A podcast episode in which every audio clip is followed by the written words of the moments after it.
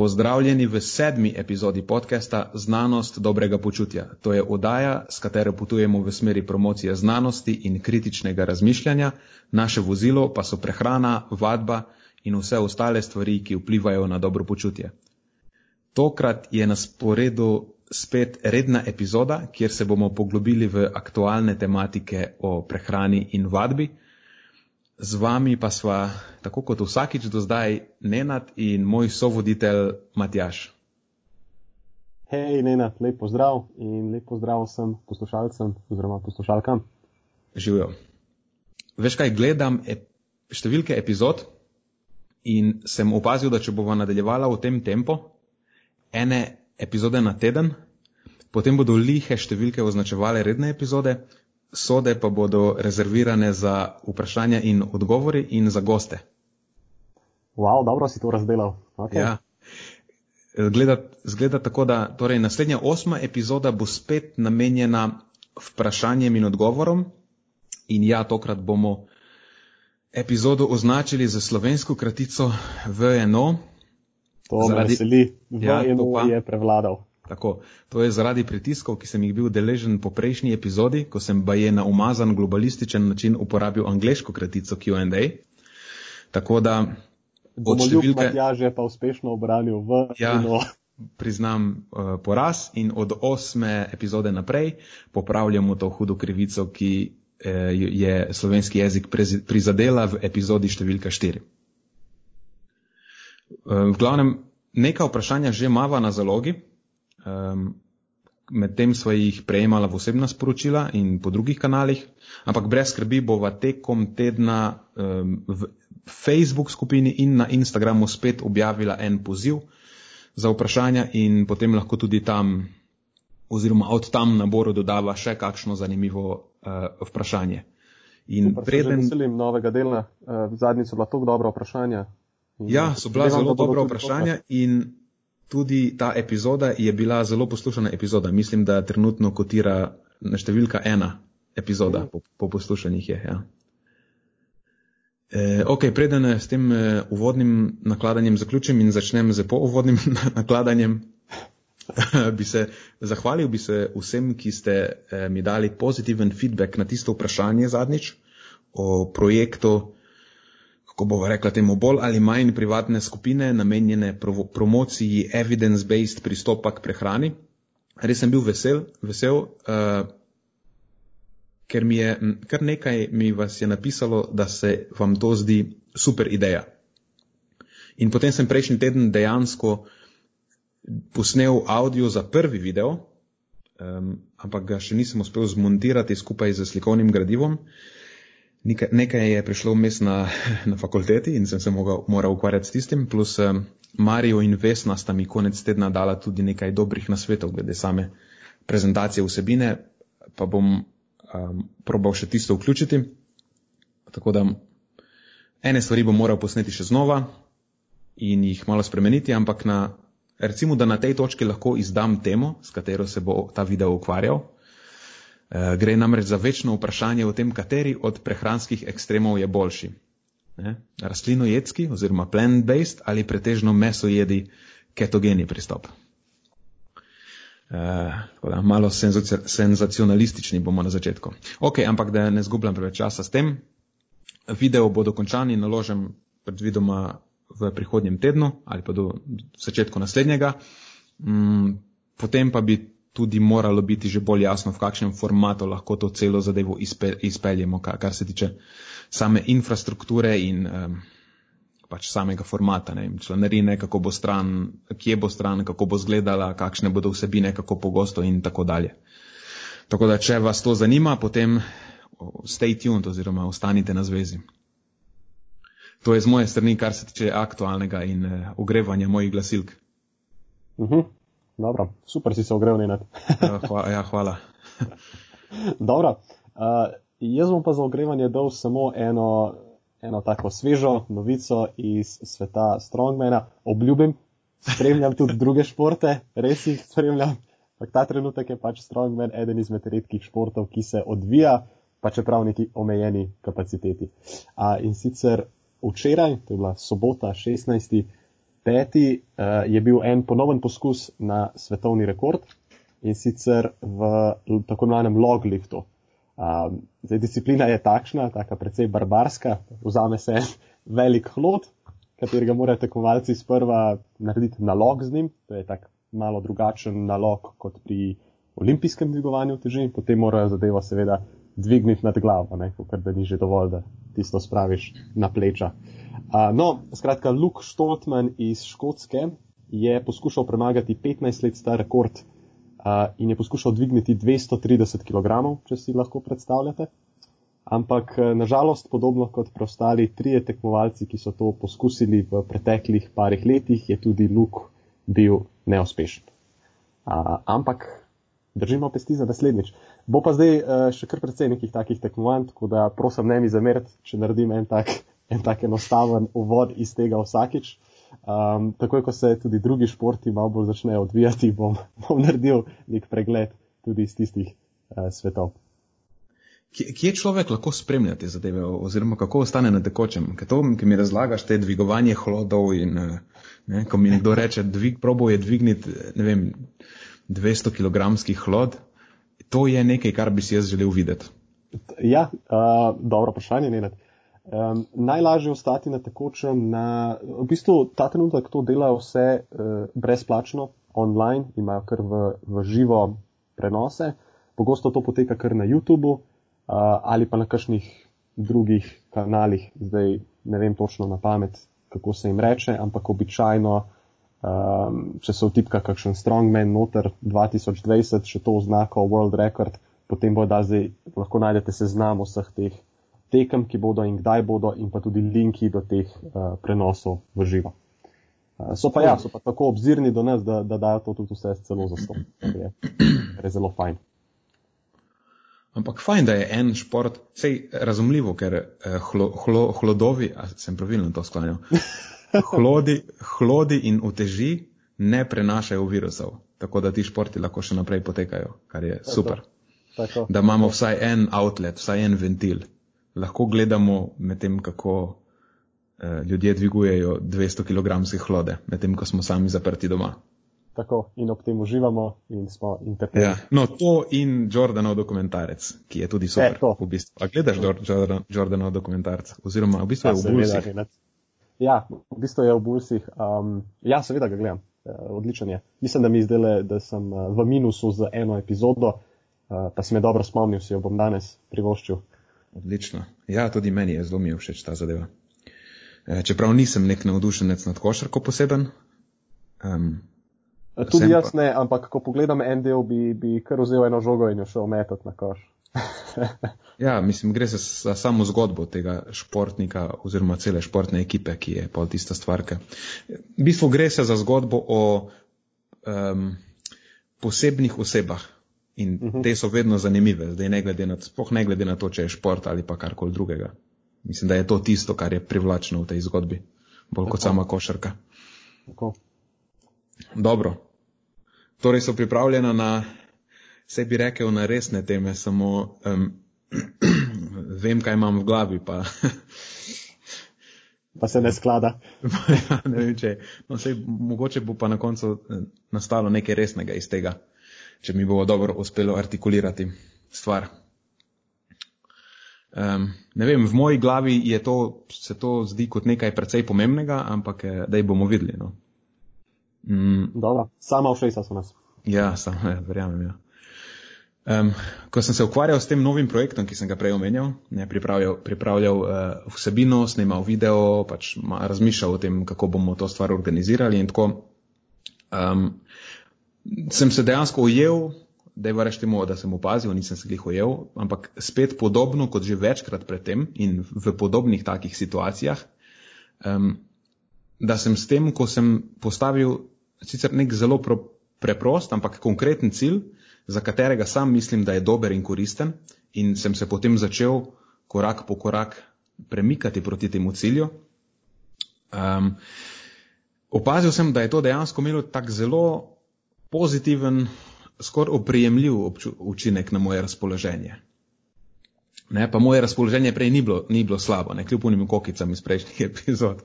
Je, je generalno precej dobro in stabilno. Ne.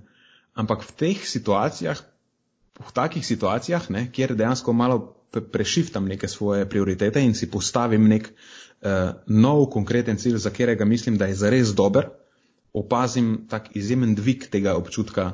Mislim, da je to tisto, kar ljudje uh, mislijo, ko rečejo sreča ali pa recimo zadovoljstvo ne, v narekovajih prava sreča ali pa pravo, pravo zadovoljstvo.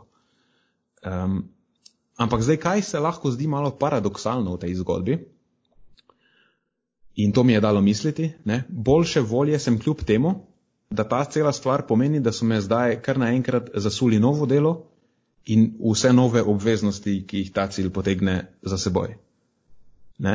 Da bi se lahko ta projekt kadarkoli realiziral, bo potrebno zdaj kup stvari znova načrtovati, pripraviti, narediti.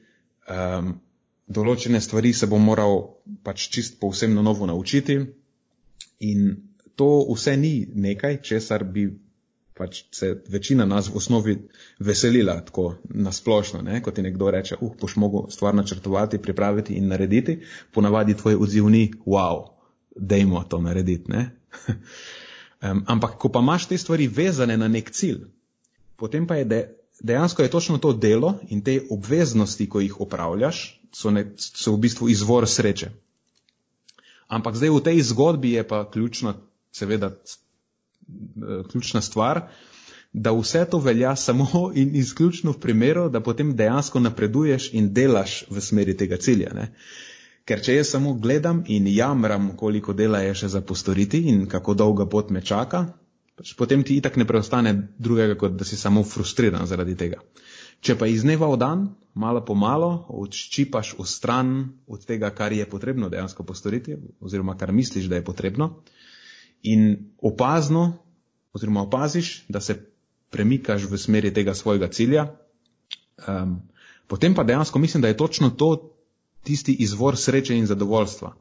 In nauk te zgodbe nekako je, da, da, da srečo daje pot, ne cilj. Se mi zdi, da je um, spoh pri ljudmi, um, s katerimi se doskrat, pa ne z ljudmi, ampak ja, mogoče so ljudje ali pa cilji, s katerimi se pogosto srečujemo v teh naših fitness vodah, um, se ta stvar pogosto zanemarja. Ne?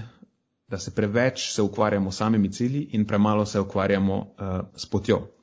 V glavnem, kar hočem reči je to, da vse kaže, kot da smo ljudje, um, rečemo temu, neuropsihološko smo naštimani tako, da ne občutimo pozitivnih čustev, čustev, dokler nimamo nekega zastavljenega cilja, ki se nam zdi vreden. Ne?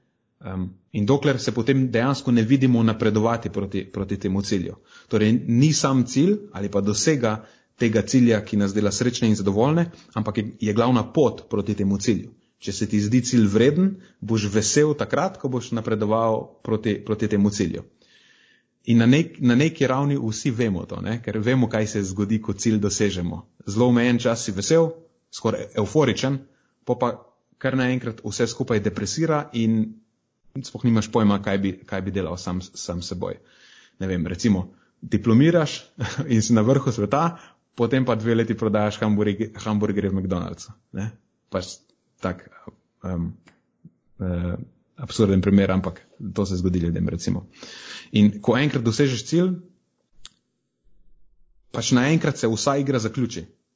In ne boš enako srečen, načeloma, dokler ne najdeš naslednje igre, ki se ti zdi, zdi uredna igrati. Um, zdaj jaz razumem, da se vse to mogoče sliši malo tako sizifovsko, ker to pomeni, da si kot um, na, na tistem mišem kolesu in moraš skozi poganjati, ne? ker če se ustaviš, potem se ustavi tudi sreča. Samo, če, če res dobro pomisliš, to spoh ni um, tako za lase privlečeno. Je, je precej smiselna hipoteza. Ker dejstvo je, da so naši možgani oblikovanih procesov evolucije. In evolucija, ja, tja gremo. In evolucija deluje točno po tem, po tem principu. Če se ustavi, izumreš. In to pravi ta hipoteza rdeče kraljice. Ne? To je tista evolucijska hipoteza, ki, ki pravi, da se morajo vrste konstantno prilagajati, se spreminjati in, uh, uh, ne vem slovenske besede, proliferirati, če želijo obstati med tem, ko so v konstantni interakciji z spreminjajočim se okoljem, v katerem živijo, in potem v tekmovanju z ostalimi razvijajočimi se vrstami. Um, ki v tem okolju isto obstajajo in tekmujejo z njimi. Um, a ja, ok, fun fact. Ime te hipoteze, rdeča kraljica, je iz tiste zgodbe o Alici v čudežni deželi, um, kako se reče knjigi, Through the Looking Glass, uh, kjer tam v enem delu uh, morata Alica in ta rdeča šahovska kraljica na mestu teči, ker se jima tla pod nogami premikajo, tako kot pri vem, tekalni stezi v fitnessu.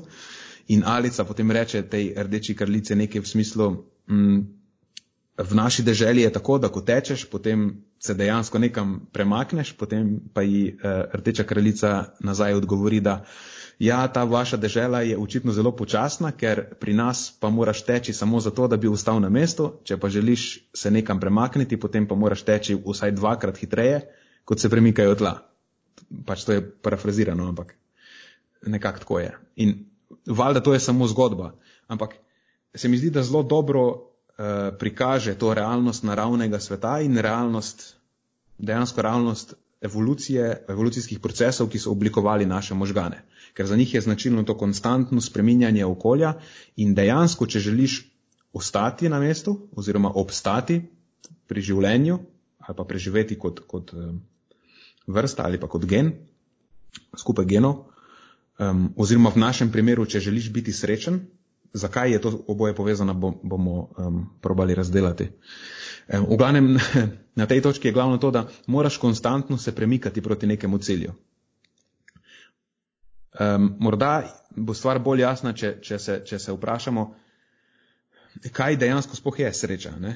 Um, ali pa dajmo reči, kaj dejansko spoh so pozitivna čustva. Ker pozit, te, ta pozitivna čustva niso neka uu, duhovna stvar, ki se, a veš, kar manifestira v, v nas iz nič. Ampak gre dejansko za neke fiziološke odzive v naših um, možganih, ki so v osnovi signal, ki nam sporoča, da se nam dejansko dogajajo tiste sorte stvari, ki so bile zgodovinsko pomembne za naše preživetje ali pa um, so na nek način prispevale k boljšim možnostim za, za preživetje. Ne? Torej, te uh, občutki sreče in dobro počutje so v bistvu posledica tega koktejla raznih kemikalij, ki se v našem telesu in v možganih sproščajo kot uh, odziv na to, da počnemo nekaj, kar, uh, za kar telo oziroma naši možgani smatrajo, da je za naše preživetje koristno. Oziroma, zdaj, ko razmišljam, Ok, naše preživetje v tem, pomen, pom, uh, v tem primeru pomeni preživetje naših genov, ampak to je zdaj nepomembno. Pač rečemo, da je dovolj natančno, če rečemo za naše preživetje. Ampak po domače povedano, vse to pomeni, da ne moreš biti srečen in se ne moreš zares počutiti dobro skozi neko daljše obdobje časa, ne, ne samo trenutno. Um, temu rečemo, recimo, prava sreča je ta sreča, ki traja. Ne, ne moreš imeti tega, vsaj ne, mak, ne v neki optimalni količini.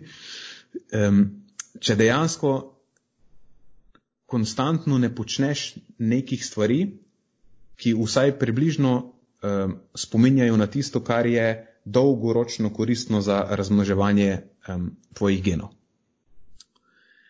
No, um, no, še ena stvar, ki je vključena v tej zgodbi, je pa ta, da smo ljudje um, kompleksna družbena bitja, in da za naše preživetje še, pa še zdaleč niso pomembni samo dihanje, pa voda, pa hrana, pa spolnost, pa vem, zaščita pred, kaj pa jaz vem, naravnimi sovražniki in silami narave in vse te podobne osnovne reči.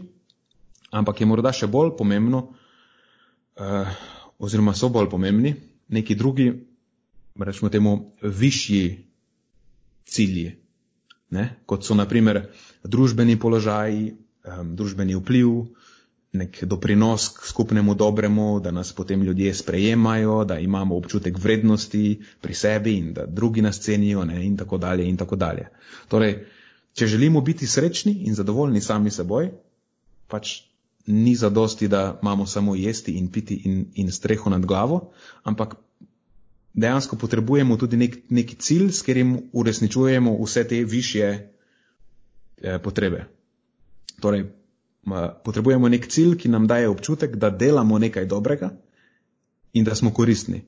Zdaj v prvi fazi sami sebi, ampak mogoče niti to ni samo po sebi ni dovolj, da smo sami sebi koristni. Idealno je, da imamo nek cilj, s katerim prispevamo nekaj dobrega tudi v življenje drugih. Ne?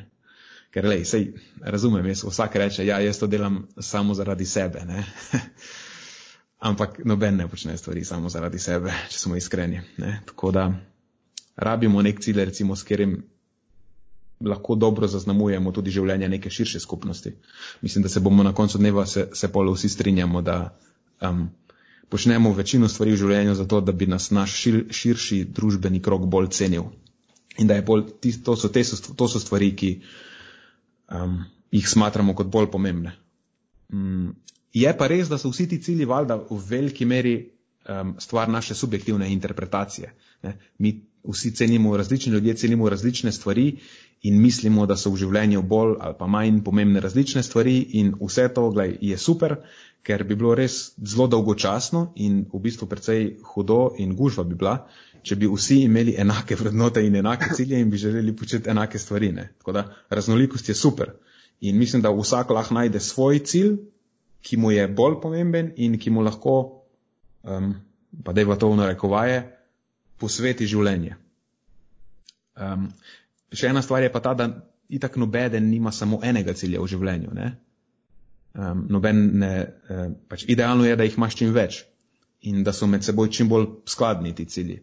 Naprimer, biti dober starš, dober podjetnik um, in pa, ne vem, skrbeti za svojo psihofizično kondicijo, ne, to so lahko, to so trije cilji, ki se lahko skladajo in lahko grejo z roko v roki. Lahko pa se tudi ne, recimo, če jih ne definiraš dobro. So lahko tudi cilji, ki se potem stepejo med seboj. Ne, spoh, če je eden izmed njih preveč ekstremen. In glih potem imaš ponovadi problem, ker moraš žrtvovati enega na račun drugega. Um, in tukaj mislim, da doskrat pride do kratkega stika in to je lahko vir frustracije. Um, še ena, pa mislim, da večja težava pa je ta, da smo ljudje uh, precej kratkovidni, kar se, kar se načrtovanja ciljev tiče. In pogosto pridemo v konflikt oziroma naši dolgoročni cilji, oziroma to so torej ti uh, občutki veselja, pridejo v konflikt z našimi kratkoročnimi impulzi, da jim temu reč uh, z občutki užitka. Ne, da, um, oziroma, prej sem se zmotil, ne, ne občutki veselja, dolgoročni cilji so občutki sreče in pa kratkoročni cilji, ki so občutki uh, užitka. Ne, torej ta sreča in užitek prideta v, v konflikt. Ker ta kratkoročni užitek, te, te skoraj po pravilu no, uvira pri napredovanju do nekega dolgoročnega cilja. Ne, in potem posledično te s tem uvira tudi pri doseganju neke trajne sreče ali pa, ali pa zadovoljstva. Um, in se mi zdi, no, da se tega vsi zelo dobro zavedamo, eh, ki delamo na, spoh mi, ki delamo na področju fitnesa in zdravja. Ker ljudje imajo neke cilje, ampak so skrajno frustrirani, ker jih ne morejo doseči, ne? ker jih pri tem ponavadi ovirajo neki ne vem, kratkoročni užitki, ki se jim ne znajo opreti. E, in dejansko ta problem pa potem izvira iz še ene tragedije človeške psihologije, ki se ji reče future discounting. Um, kako bi to prevedla? Zanemarjanje prihodnosti je mogoče mm. dober prevod.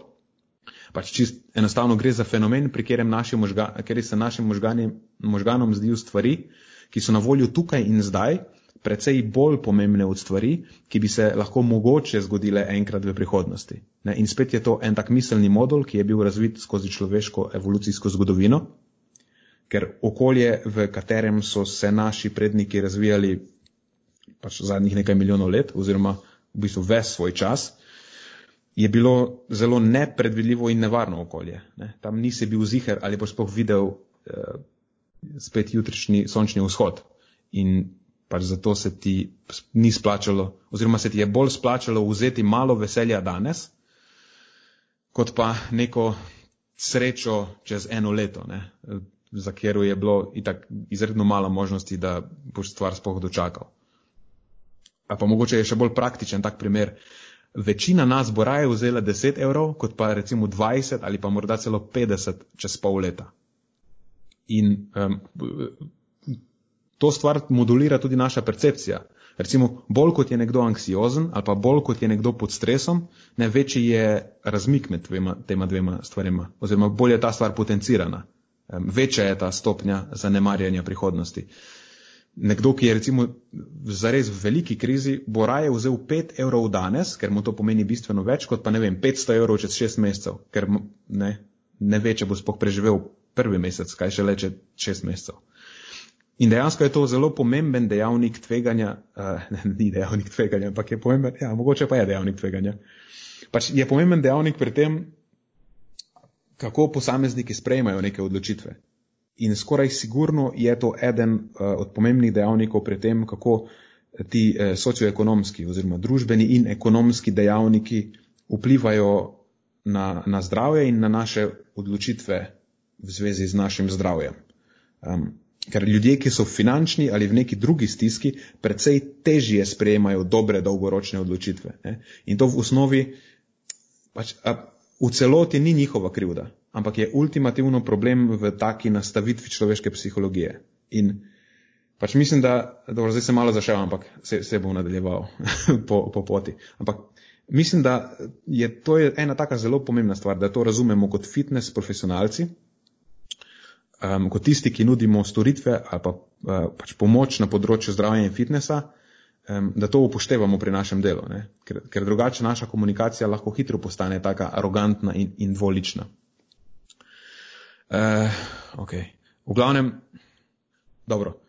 Um, dejstvo je, da ta v narekovajih prava um, dolgoročna sreča pogosto ni usklajena dobro z našimi temi kratkoročnimi užitki oziroma z željo po naših kratkoročnih užitkih. Um, ali pa mogoče je še celo bolj, bolj, bolj pravilo je to, da kratkoročni užitki stojijo na poti dolgoročne sreče. In um, mislim, da je to zelo razvidno tudi iz mojega pričevanja malo prej, ker kljub temu, da imam zaradi novega cilja več dela in manj prostega časa in se moram naučiti kup enih stvari, ki se jih raje ne bi, um, sem bolj srečen in bolj zadovoljen, kot sem bil prej. Ne? In pač to se lahko sliši malo paradoksalno, ampak po vsem tem, kar je bilo povedano do te točke, če mi je to uspelo, vsaj približno dobro, se pač to ne bi smelo več slišati paradoksalno. Ne? Ker vsaj meni se zdi, da pač vse zaenkrat kaže v tej smeri, da je recept za pravo srečo, da si najdeš en vreden cilj, pač ne en ali pa, da si najdeš vredne cilje v življenju, namen v življenju in potem, da dejansko napreduješ v tej smeri tudi takrat ali pa sploh takrat, ko so stvari težke. Um, ampak zdaj čist za konec, ker slišim, kako se slišim, predem zaključim to filozofiranje, da me ne bi kdo razumel narobe, pač to ni neko moraliziranje iz moje strani ali pa, ali pa karkoli. Um, Glej, meni je čisto vseeno, vsak lahko dela, kar hoče in kar se njemu zdi, da mu v življenju prinaša srečo. E, to je pač samo um, neko moje filozofiranje. Ampak mislim, da je na tej točki uh, precej jasno, da nam trajne sreče ne bodo prinesle uh, neke, ne vem, materialne dobrine in kratkoročni užit, užitki, ker tudi precej prepričan sem, da vsi poznamo cel kup ljudi, ki imajo um, polno rit vsega in živijo vem, razvratna življenja, ampak so na koncu dneva kljub vsemu pač skrajno nesrečni ne? in dejansko samo probajo utopiti to nesrečo um, v nečem. In um, če bi sklepal po anekdotah, bi lahko celo rekel, da je večji delež ljudi s polnimi ritmi in razvratnimi življenji eh, nesrečen. Maš pa, pa, pa po drugi strani, pa ne poznam nobenega, ki bi napredoval proti ciljem, ki se mu zdijo pomembni in, zato, in zato tudi delajo ljudje pogosto precej trdo in se odrekajo kratkoročnim užitkom, um, pa kljub temu niso nesrečni. Pač ne poznam take osebe, ki bi napredovala proti ciljem, um, delala trdo in, in bila nesrečna. Je pa res, da poznam cel kup takih, ki, so, ki sicer imajo cilj, ampak so kljub temu nesrečni, ker pač ne napredujejo proti temu cilju. ali pa um, mogoče samo niso zadovoljni s hitrostjo napredovanja proti temu cilju. Zdaj, težava zato je lahko njihov mindset, ker so pač naklonjeni katastrofiziranju in nekim drugim miselnim napakam. Um, lahko pa gre dejansko za pomankanje napredka, ker se pač ne znajo usmeriti ali pa odreči določenim kratkoročnim um, užitkom. Ali pa pač gre za kombinacijo obojega. Ok, da zaključim počasi to. Um, uh, ok, okay se, v bistvu lahko, mu, mislim, da lahko uh, to stvar dejansko tako, lahko izluščimo tri pravila za srečo v življenju. Ne? Prvo je to, da si najdeš vred, vredne cilje, drugo je to, da se začneš delati v njihovi smeri, ne? da začneš napredovati proti tem ciljem. Um, moraš ugotoviti, kaj te dejansko, kaj, kera dejanja te bodo vodila proti tvojim ciljem in potem delati tisto dosledno. In pa iz doslednosti potem izvira tretja točka, ki je pa tista, da se moraš naučiti ustrajati in uh, vzdrževati smer, kar dejansko pomeni, da moraš razviti veščine, um, s katerimi nekako potem uspeš za dolgoročni napredek, um, se udreči tem kratkoročnim užitkom. In um, evo, zdaj, v bistvu, ko sem to povedal, razmišljam, da je to v bistvu eno izmed ogrodij, na katerem temelji naš pristop coachinga. Ne? Ker ko, ko ima nekdo na prehrano. Circle? Ja, ja, mislim, ko ima nekdo na prehrano ali pa vadbo vezane cilje, um, jim pač pokažemo, kaj so tiste stvari, ki vodijo proti ciljem in ki jih podpirajo pri izvajanju teh, teh stvari.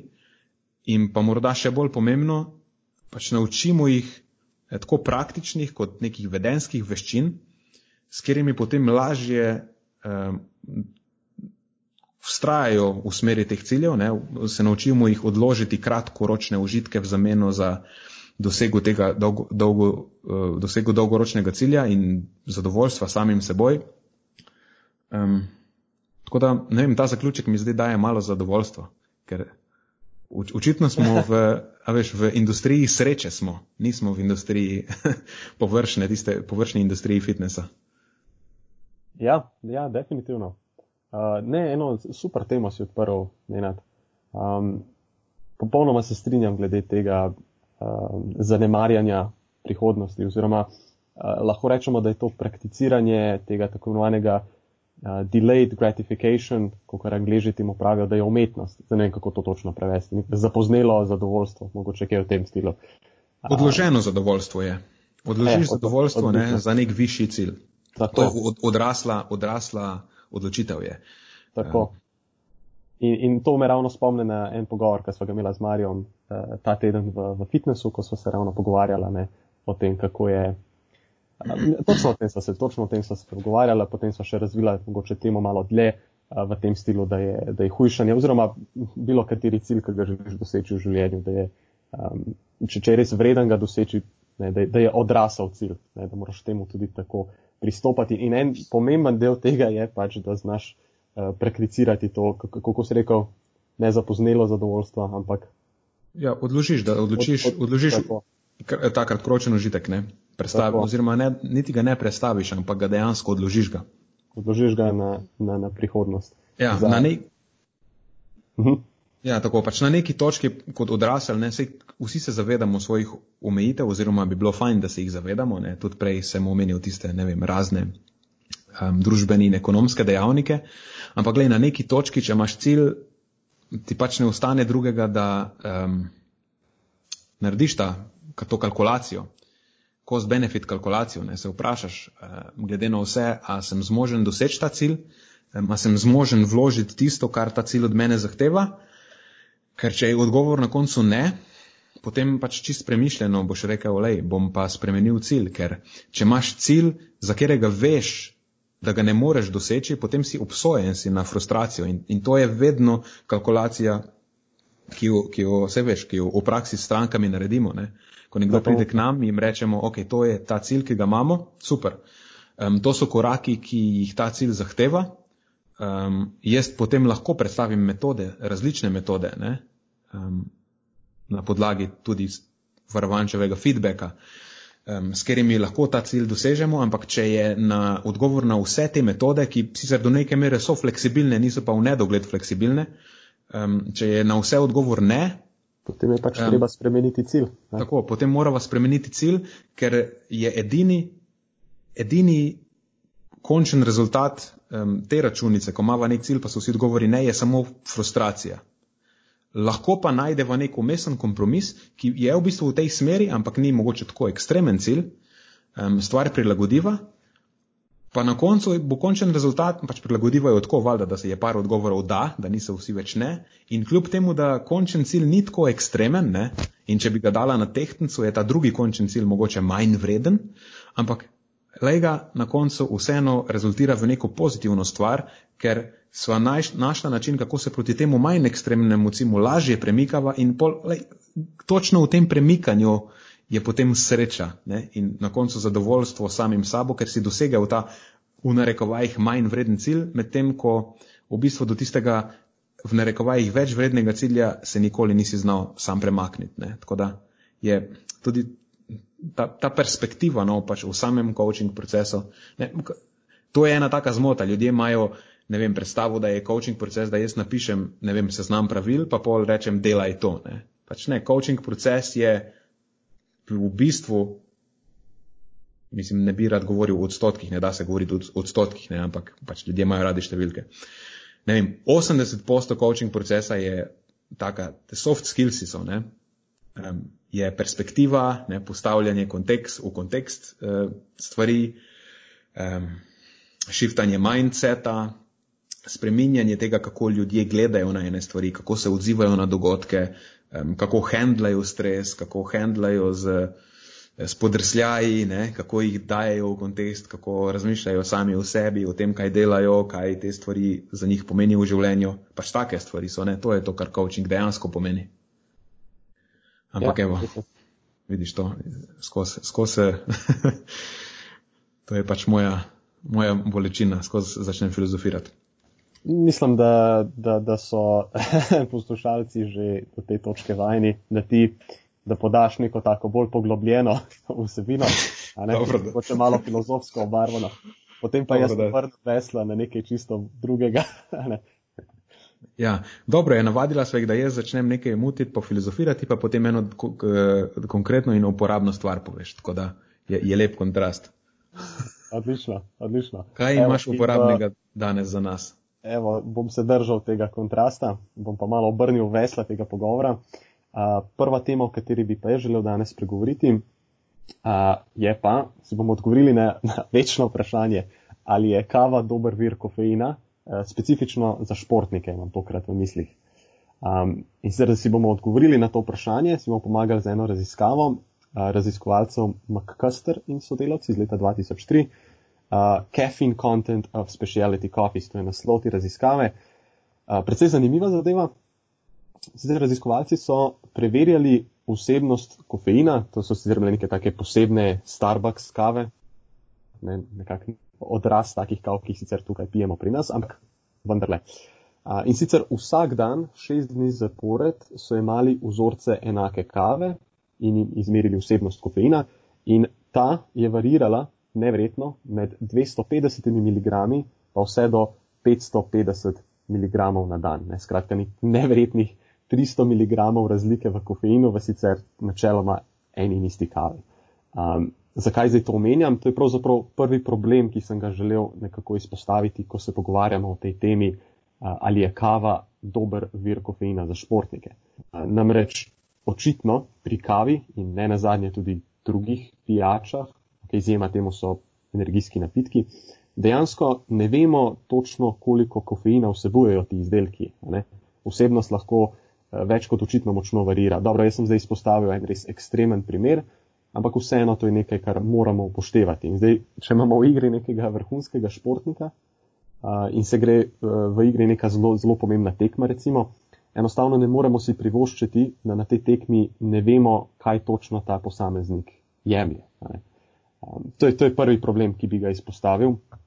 V tej temi drugi problem, ki mi pade na pamet, ko se pogovarjamo o tem, ali je kava dober vir kofeina za športnike, pa je dejstvo, da se mnogi ne zavedajo, kako visoka je dejansko tista potrebna količina kofeina, če želimo prejeti ta, ta ergogeni učinek, skratka ta pozitivni učinek na našo zmogljivost.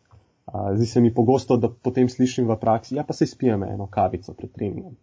Ok, nisem že v redu, ne, ampak to ni to. Ne. Namreč količina, ki se priporoča, če želimo pozitiven učinek na zmogljivost, je vse med 3 in pa 6 mg kofeina na kilogram telesne mase. In zdaj, če predstavimo te številke v prakso, lahko računamo, da je ena srednje močna kava vredna, podmerkovaj vredna, približno 50 mg kofeina. Zdaj, to je osebnost kofeina v normalnih kavah, ne pustimo zdaj tiste preomenjene Starbucks kave, tisto je druga zgodba, tam dobiš pol litra neke skoncentrirane kave, to ni odraz nekih teh uh, normalnih količin, ki jih sicer večina jemlje. Ne. Skratka, če ima ena srednja močna kava približno 50 mg kofeina, ne, bo to pomenilo, da bi moral nekdo, ki je težak eh, približno 60 kg, bi moral spiti približno 3 kave. Ne. Zdaj pa si predstavljate, kaj to pomeni šele za nekoga, ki je precej težji, morda za kakšnega bodybuilderja, powerlifterja, ki, ki je podobnega.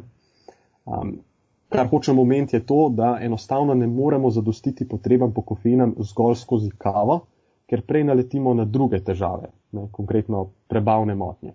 Si predstavljate, če spijete pač par kav zapored, uh, načeloma lahko zelo hitro naletimo na neke težave. In zato ob vsem tem, ob predpostavki, da prehransko dopolnilo pač res vsebuje to, kar piše, da vsebuje, potem bi rekel, da je prehransko dopolnilo precej bolj priročen vir kofeina. Vsaj, ko se pogovarjamo o jemanju kofeina za izboljšanje zmogljivosti. Ne. Seveda je popolnoma druga zgodba. Za nas navadne smrtnike, ne, ki pa spijemo eno kavo tu in tam, po možnosti pred treningom, da imamo malo več energije, malo boljši fokus. S tem seveda ni prav nič narobe. Ampak, če se pa pogovarjamo o kavi kot dobrem viru kofeina za, specifično za, za športnike, uh, potem pa ne bi rekel, da je to najboljša izbira. Ne vem, kaj praviš ti, Nenad?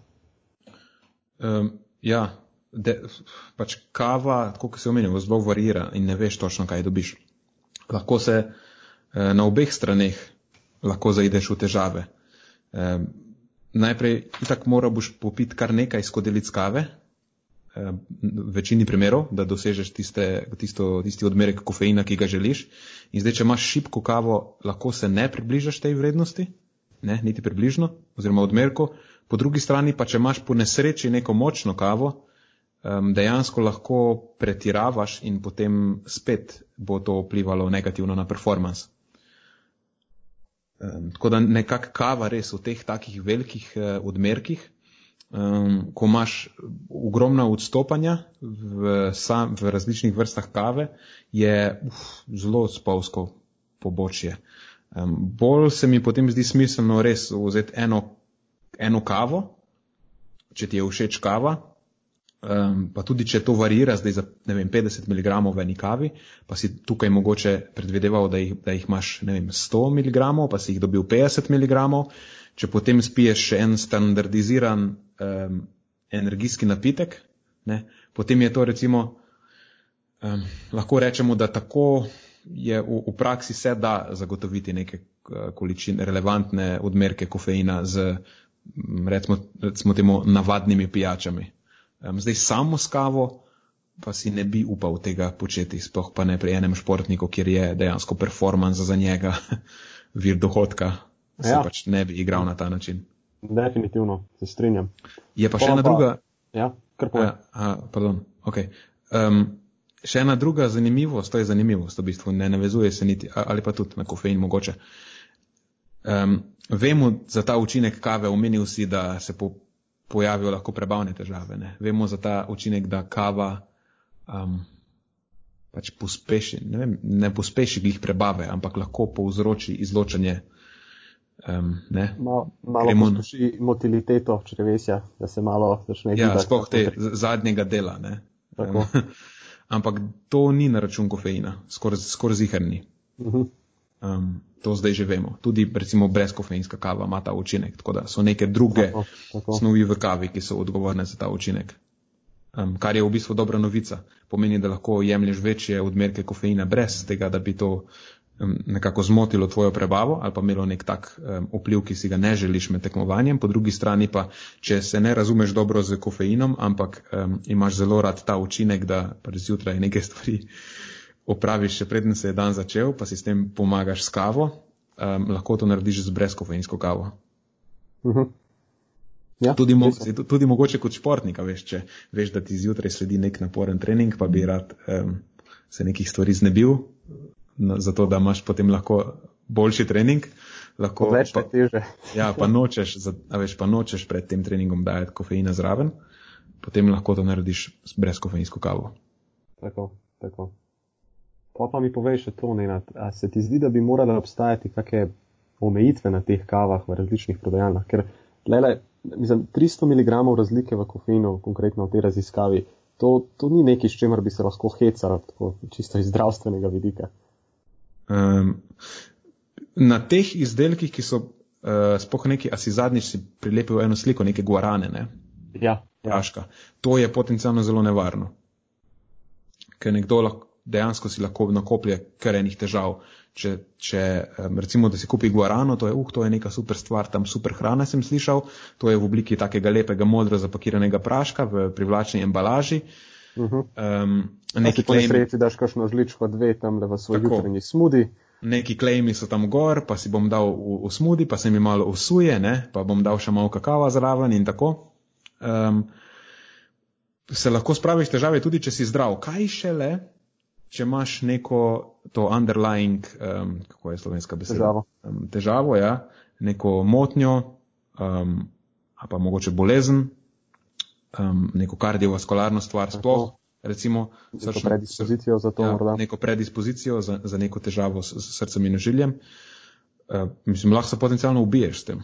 Mislim, jaz sem bil šokiran na to odgovarjano, ti bom povedal po iskreno. Mislim, ena ja. čajna žlička nanese približno 200 mg kofeina.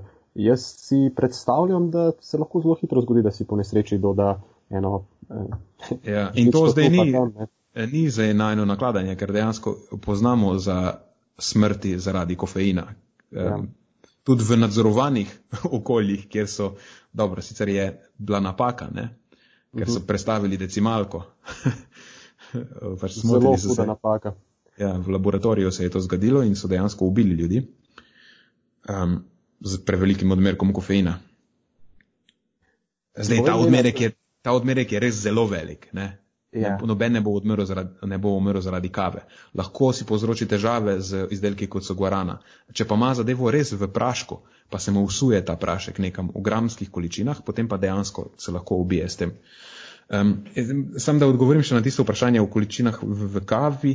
Ne poznam dobro glih teh analiznih metod, kar se tiče preverjanja uh, vsebnosti kofeina, ampak morda ne bi bilo napačno, da se razni beči teh kav a veš, predhodno potestirajo uh mhm. -huh. in da se zapiše, koliko približno, a veš, se mogoče ne rabe biti zelo natančno, ampak vsaj približno, da vemo, ok, to je. Čeprav zdaj razmišljam, in, ne? ja, ne, neke kave potem imajo te oznake, kako močne so, pa je nek, nek scale, neka lestvica tega, ja, veš, ponavadi pol imaš, ne vem, tri zrna, štiri, pet, šest. Uh, vem, da ta Nespresso ima 13 takih kockic in potem imajo močne kave, imajo ne vem, 10, 11, 12, 13, une srednje imajo tam do nekje od 7 do 10 ne, in, in blage imajo um, do manj. Ampak ne vem, če to ima kakšne veze s kofeinom. Oziroma, koliko ljudi so sploh na to kupci. No. Ja. V okusu definitivno opaziš, ne, v, v okusu kave. Ne vem pa, če to zelo dobro korelira potem z vrednostmi kofeina v, v teh izdelkih. Ok, a so bila temeljita, kar se tega tiče? Izjemno. Mislim, Planem, da nadaljujemo na današnjo ja. glavno temo. Ne? Ja, za športnike pač prašek je, um, kofeina je najboljša opcija za enkrat. A je tako? Ja, strinjam, okay. se strinjam. Cool. Um, Dobro, pa pa lahko jaz naredim uvod v to glavno temo za danes. A lahko? Prosim.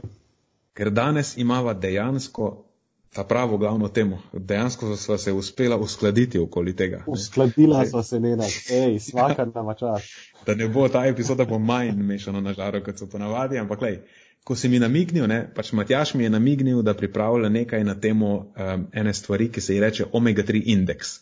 In čim je omenil omega-3, pač ni bilo potrebno veliko dodatnega prepričevanja, da sem jaz prisedel na ta vlak. Tako da. Dobi, poslal si mi, mislim, da tri srčke v sporočilo nazaj in to je bil indikator, da lej, to je to. Zdaj pa moram združiti početi. Ja, je neka tema, ki je blizu mojemu srcu. Uh, to je bil pan, mimo grede.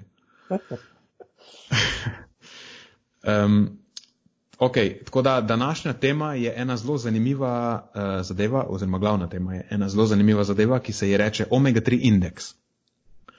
In zdaj. Uh, najbrž vas na tej točki zanima, kaj spoh je omega-3 indeks, ker glede na to, da gre za precej tak nedaven, nov koncept, si mislim, da marsikdo še ni slišal za to stvar ali pa vsaj ni dobil dobre razlage, kaj, kaj to spoh je in zakaj bi to lahko bilo za kogarkoli pomembno.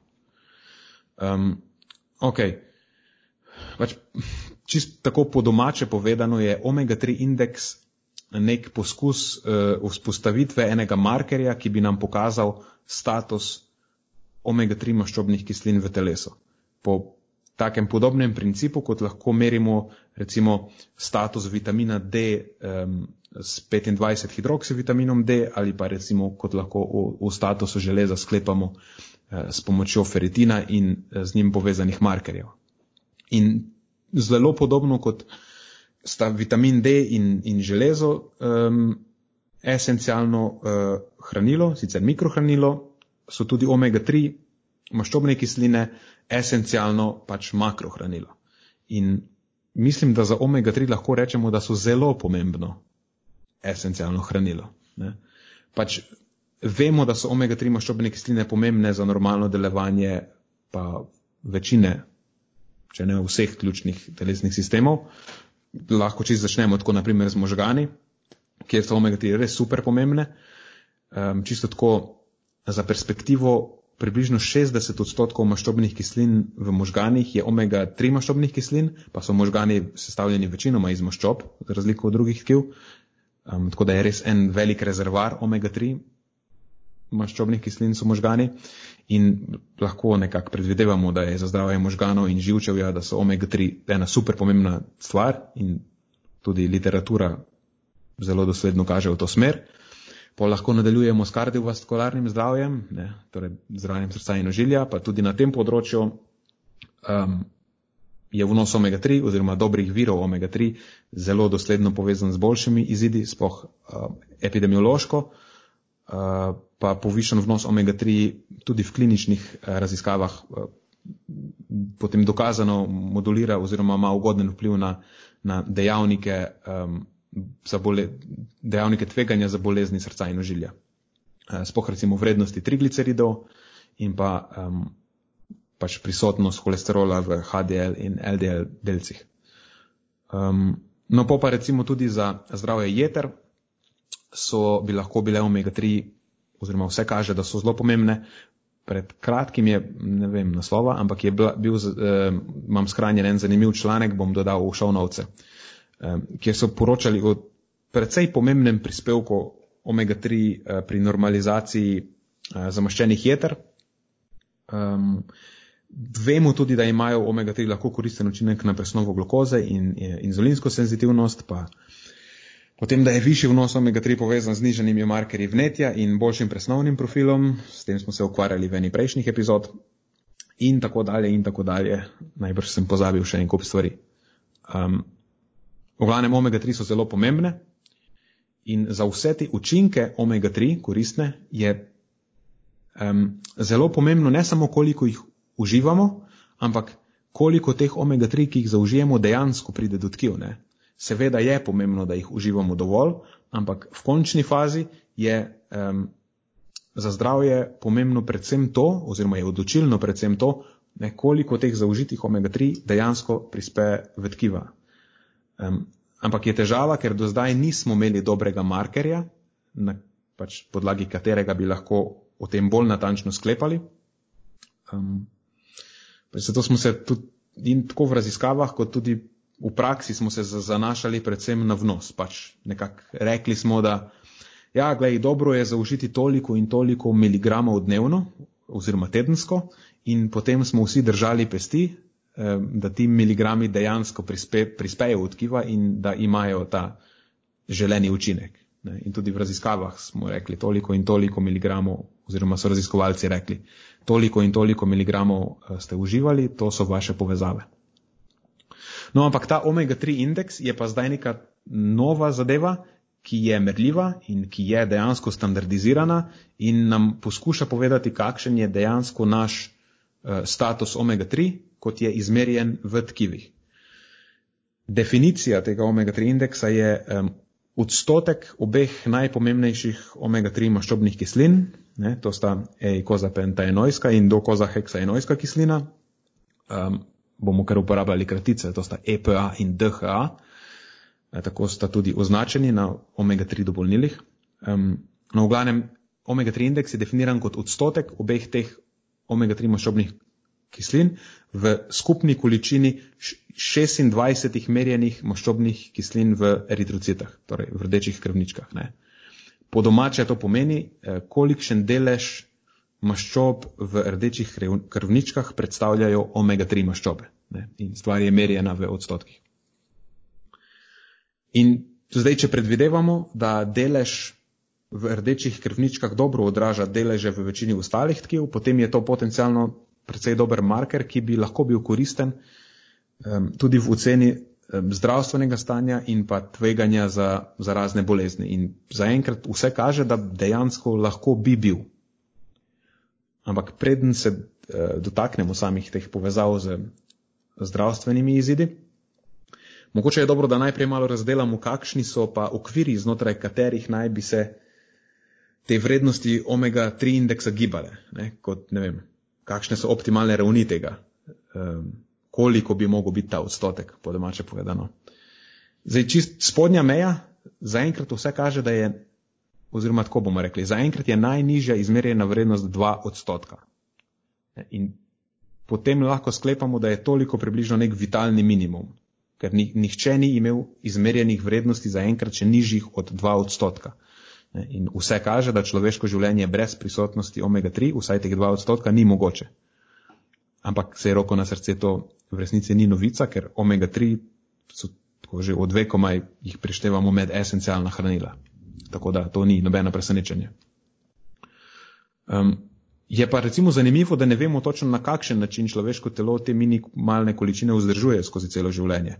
Ker obstajajo populacije, za kere vemo, da uživajo zelo malo praktično nič omega-3, um, spoh teh EPA in DHA, pa kljub temu ohranjajo 2 odstotka, oziroma malo več v bistvu, v, v membranah svojih rdečih krvničk.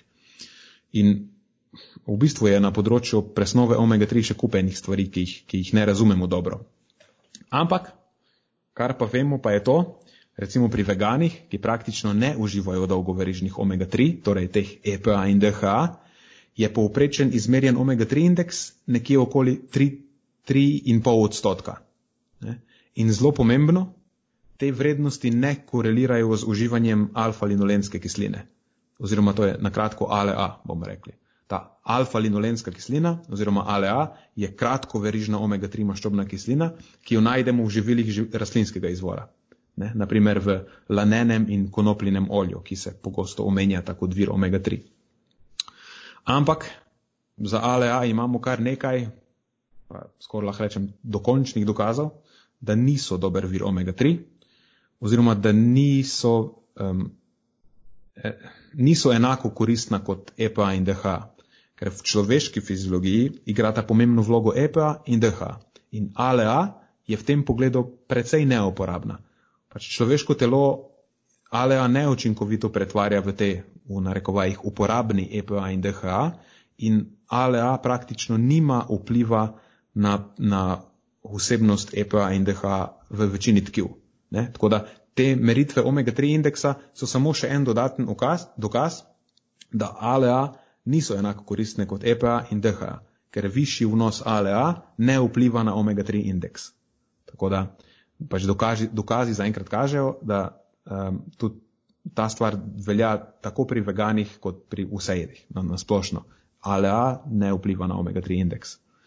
Tako da, če nekdo reče, da uživa omega-3 zaradi njihovih koristnih učinkov na zdravje, potem se predpostavlja, da uživa EPA in DHA in ne ALA. Čeprav ALA tudi tehnično spada v družino omega-3 maščobnih kislin, je iz vedika učinkov na omega-3 indeks in zdravje um, to nekaj povsem drugega. Nima, nima enakih koristnih učinkov. In to ni samo moje mnenje, ampak je v tem trenutku zelo, že zelo podprto stališče. Imamo vsaj ene tri metaanalize eh, na lagerju, ki ugotavljajo, da, ugotavljajo, da ALEA ni povezana z ugodnimi spremembami v presnovnem profilu. Um, mislim, da ena je o markerjih vnetja in pa um, v srčno želih izidih. Pač niso učinki enaki kot pri EPA in DH. Um, tako da mislim, da to je ena pomembna točka um, ena pomembna konsideracija za vse tiste, ki uživajo precej um, rastlinojedsko oziroma plant-based prehrano in ne uživajo zadosti EPA in DHA. Ker vse kaže, da uh, imajo pač zaradi nizkega vnosa v povprečju zelo nizek in um, neidealen omega-3 indeks, ampak v, v, pri tem v resnici ne, ne moreva izpostaviti samo plant-based prehrane, ne? ker pravzaprav so vsi tisti, ki ne uživajo za dosti dolgovrežnih omega-3. Um, vsi spadajo v to skupino. Ne? Dejavnik tveganja v tem primeru ni rastlinska prehrana, ampak je odsotnost dobrih virov EPA in DH. Ne? To pa so predvsem ribe in pač morski sadeži, to vsi vemo. Um, za ene stvari, ki pa marsikdo ne ve, da so tudi dobri viri omega-3, so pa možgani kopenskih živali, ampak glede na prej povedano, bi to zdaj že lahko sklepali.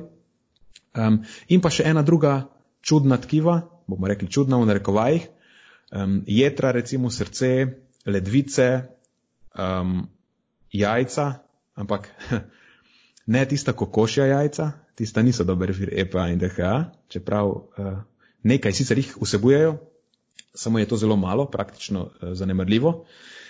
Um, mislil sem tista druga jajca, Eh, bomo rekli, koliko jih eh, eh, pri vrstah, ki se razmnožujejo s polnim razmnoževanjem, jih fenotipsko izražamo samo nosilci moškega alosoma, če veš, kaj mislim.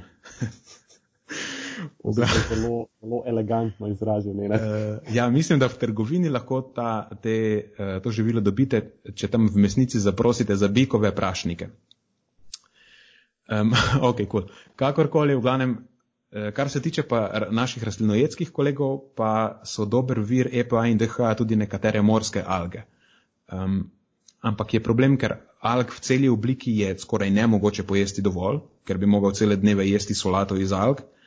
Um, je pa priročna izbira potem dobro olje morskih alg, ki je v bistvu po funkciji zelo podobno ribjemu olju, samo da je eh, čisto rastlinska verzija in se načeloma pač uporablja povsem enako kot ribje olje. Um, tako da, ok. Uh, mislim, da v tem smo v glavnem nekako pokrili najboljše vire omega-3, oziroma to so viri, za kere je smiselno predvidevati, da bodo nekako imeli uh, vpliv, merljiv vpliv, relevanten vpliv na omega-3 indeks. Ampak kar je morda za to kon konkretno debato še bolj pomembno, ugotovili smo, da je spodnja meja tega omega-3 indeksa 2 odstotka, um, manj kot to in najbrž umreš.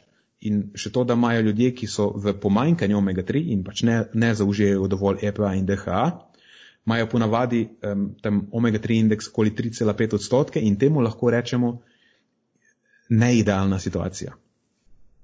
Zelo neidealna situacija.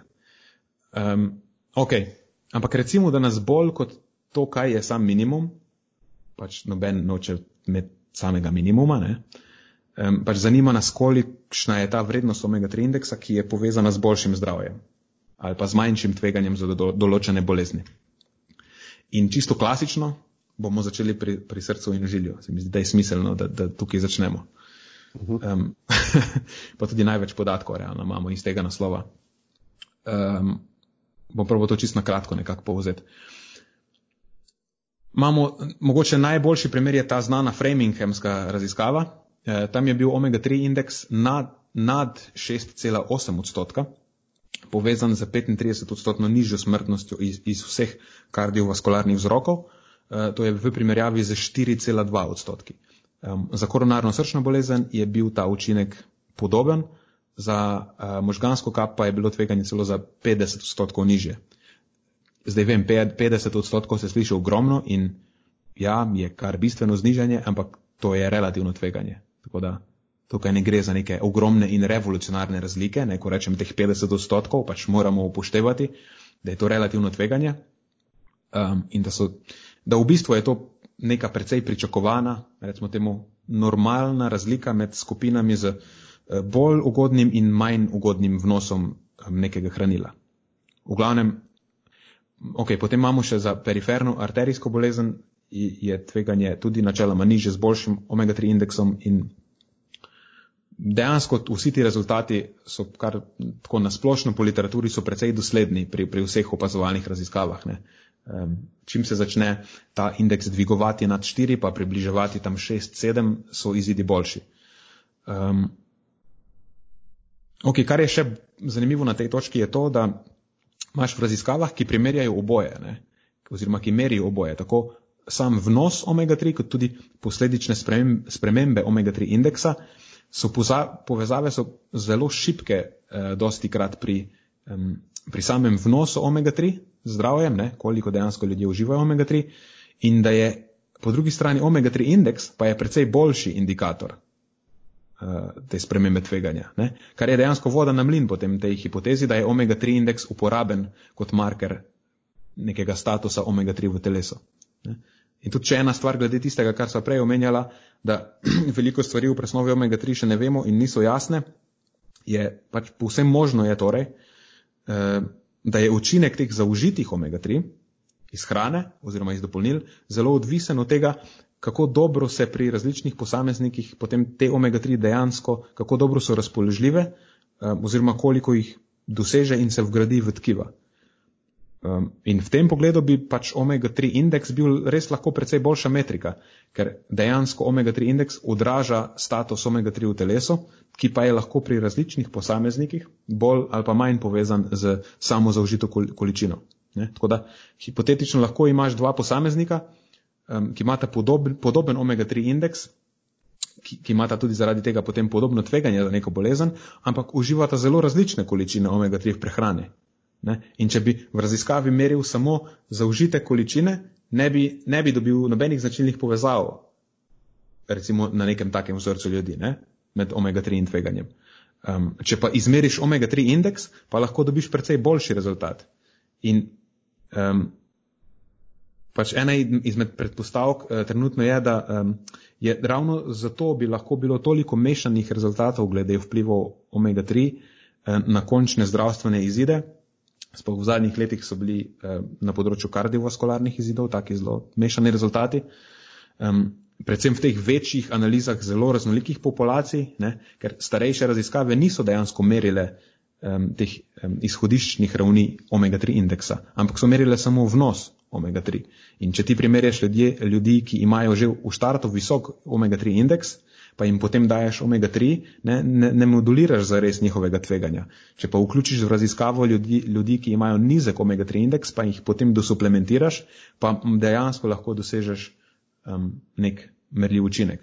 Ampak to je nasplošna težava, ni samo omega-3 težava, ampak je nasplošna težava prehranske znanosti. Um, torej, ne nadgradimo eno kampanjo, da postane omega-3 indeks uh, zlati standard.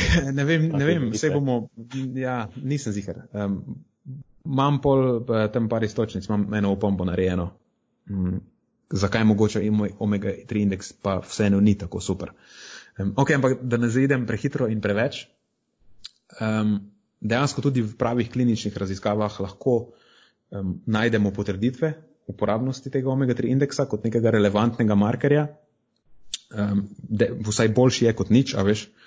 In, um, In iz teh kliničnih raziskav imamo tudi dejansko potrditve, da dodajanje ribjega olja kot dopolnila omega-3 dejansko izboljša omega-3 indeks. Um, konkretno imam v mislih raziskavo Harris uh, in sodelavci, to je 2016, uh, kjer so pokazali, da uživanje ribjega olja z 860 mg um, mešanih EPA in DH dnevno. To je recimo, če imaš neke te klasične 30 odstotne kapsule, so to recimo tri kapsule. A sem se zmotil, ne? Tri kapsule bi bile, tri grame ribjega olja, ne? In s tem recimo. Tri kapsule. Ja. Tako. Tako. Če, če so 30 odstotne, če so 60 odstotne, je ena pa pol. V glavnem, ta, taka količina eh, ribjega olja je v treh mesecih v, v, na tem vzorcu uh, zvišala omega-3 indeks iz 4,75 odstotkov, torej iz precej slabih ravni, na 6,73 odstotke, ne, na, na precej boljše oziroma blizu boljšemu. Torej, v bistvu za okoli 2 odstotka v treh mesecih. In potem, zanimivo, skladno s tem povišanjem, se je pri intervencijski skupini tudi zmanjšala umrljivost in eh, število eh, hospitalizacij. Zdaj, v tem konkretnem primeru je šlo za populacijo s srčnim popuščanjem, tako da so dejansko lahko, eh, je bilo toliko izidov, da so dobili statistično značilen rezultat. Um, no, poleg tega pa je tudi ena raziskava na, na eni lihtenštajnski kohorti, um, ki je ugotovila povezavo višjega omega-3 indeksa z nižjim krvnim tlakom in pa par um, intervencijskih raziskav, ki so, ki so merile endotelno funkcijo, oziroma to pomeni, kako dobro funkcionira užilje in so isto ugotovile, da se krvni tlak načeloma zniža z izboljšanjem omega-3 indeksa, ampak lej, to, to je v bistvu spoh ni presenečenje, ker že sam omega-3 vnos je zelo dosledno povezan z nižjim krvnim tlakom. Tako da, vsaj za srčno-žilne izide imamo kar nekaj dokazov, da je omega-3 indeks pomemben. Ehm, no, potem imaš pa eh, tisto eh, Framinghamsko raziskavo, spet, ehm, tudi recimo, če preidemo na področje zdravja možganov, ehm, so tam ugotovili, da je ta 6,8 odstoten oziroma indeks višji od 6,8 odstotkov, Eh, povezan z malo več kot 50 odstotnim znižanjem, znižanjem tveganjem za možgansko kap. Ne? Um, in podobne, sicer malo bolj mile rezultate so dobili tudi v še eni znani eh, Reducit raziskavi, um, kjer je bilo tveganje za slabih 30 odstotkov niže. V glavnem, v vsakem primeru povezava neka očitno obstaja tudi za eh, cerebro, cerebrovaskularno zdravje oziroma um, to je zdravje užilja v možganih.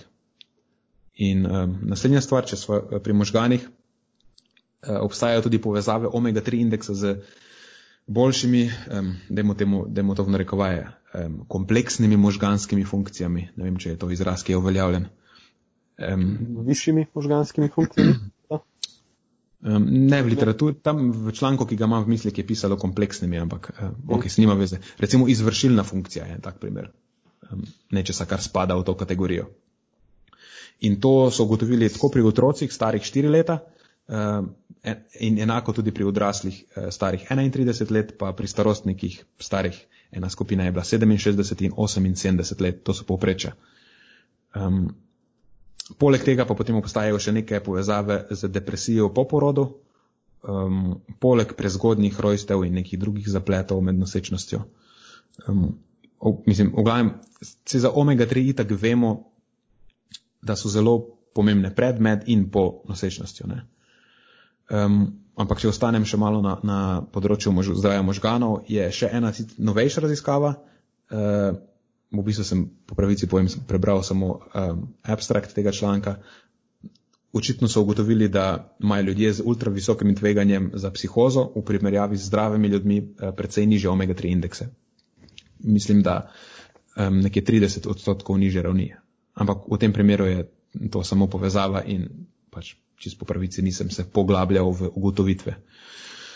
Um, ok, v glavnem, če potegnemo črto, mislim, da lahko rečemo, da bi, da je, da bi lahko bil dober omega-3 indeks precej pomemben dejavnik za zmanjšanje tveganja za razne srčnožilne, možganske in pa eh, porodne oziroma eh, nosečniške neušečnosti. Um, Aha, še ena zanimiva stvar, ki jo je izpostavil en pregleden članek, da bi lahko imeli tudi športniki oziroma ljudje, ki so izpostavljeni visokemu bremenu raznih stresov, znižan omega-3 indeks. Ampak to je zdaj že počasi tvoja tematika. Samo preden ti še eh, predam besedo, v bistvu nismo še spoh povedali, kaj spoh naj bi bil dober omega-3 indeks. Ne? Rekli smo, da je 2 oziroma 3 odstotke zelo porazno. Rekli smo, da je dvig iz 4 odstotke na, na 6 oziroma okoli 7, da to bistveno izboljša izide in zniža tveganje za vse sorte neušečnosti. Um, in teh 7 odstotkov je najbrž dober začetek, ampak obstaja še ena um, zelo sveža meta-analiza desetih kohortnih raziskav, ki te stvari še malo nadgrajuje in uh, očitno kaže, da bi um, povišanje omega-3 indeksa iz 4 na 8 odstotkov oziroma malo nad 8 odstotkov lahko bilo povezano s 30 odstotnim znižanjem tveganja za, za smrtno koronarno srčno bolezen. In če malo um, greš gledati v različne vire, v različne pregledne članke, sicer to niso najboljši viri informacije, ampak vseeno, recimo, ko imaš eno tako novo temo, ki ni zelo dobro raziskana, potem greš brati recimo članke ljudi, um, ki so vodje teh raziskovalnih skupin ne, in njihove pregledne članke greš brati, ne greš prebrati eh, ne vem, članke enega doktorja, ki se je do nedavnega ukvarjal z eno x stvarjo, pa je zdaj se odločil malo napisati omega-3 indeks članek, uh, ampak recimo, da ti ljudje, ki se razumejo v to zadevo, trenutno priporočajo okno med um, 8 in 11 odstotki kot, to je njihov citat, najbolj smiselno terapevtsko tarčo. Tako da to je neka referenčna vrednost za omega-3 indeks. Aha, torej, k temu, k temu stremimo. K temu stremimo. Am, ampak, obstaja pa še en velik ampak pri vsem tem. Zdaj, mi dva kot praktika in dva, ki, ki delata in the trenches, ne, torej v praksi, ki delava v praksi s pravimi ljudmi, na bojišču, uh mhm. -huh. na bojišču, kot temu v šali radi rečemo se pač moramo vprašati, kdo si bo dejansko meril omega-3 indeks. In odgovor je, da najbrž nihče.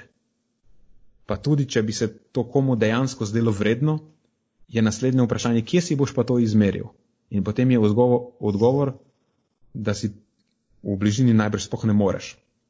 Ker trenutno mislim, da trije laboratoriji po celem svetu delajo to stvar.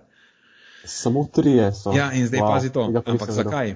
Različni laboratoriji merijo vsebnost eh, maščobnih kislin v rdečih krvničkah, ampak ključen del te omega, definicije omega-3 indeksa je ena dejansko visoko, standardi, en, eh, visoko standardiziran analizni postopek. Ker vsak korak tega postopka lahko bistveno vpliva na končen rezultat. In trenutno je edini standardiziran postopek neka stvar, ki se ji reče eh, HS, omega-3 indeks oziroma HS omega-3 indeks in stvar je trademarkana, torej je zaščitena blagovna znamka in to je tudi postopek, ki je validiran in uporabljen v večini relevantnih omega-3 indeks raziskav, torej večini tistih, ki sem jih eh, prej omenil. Ne.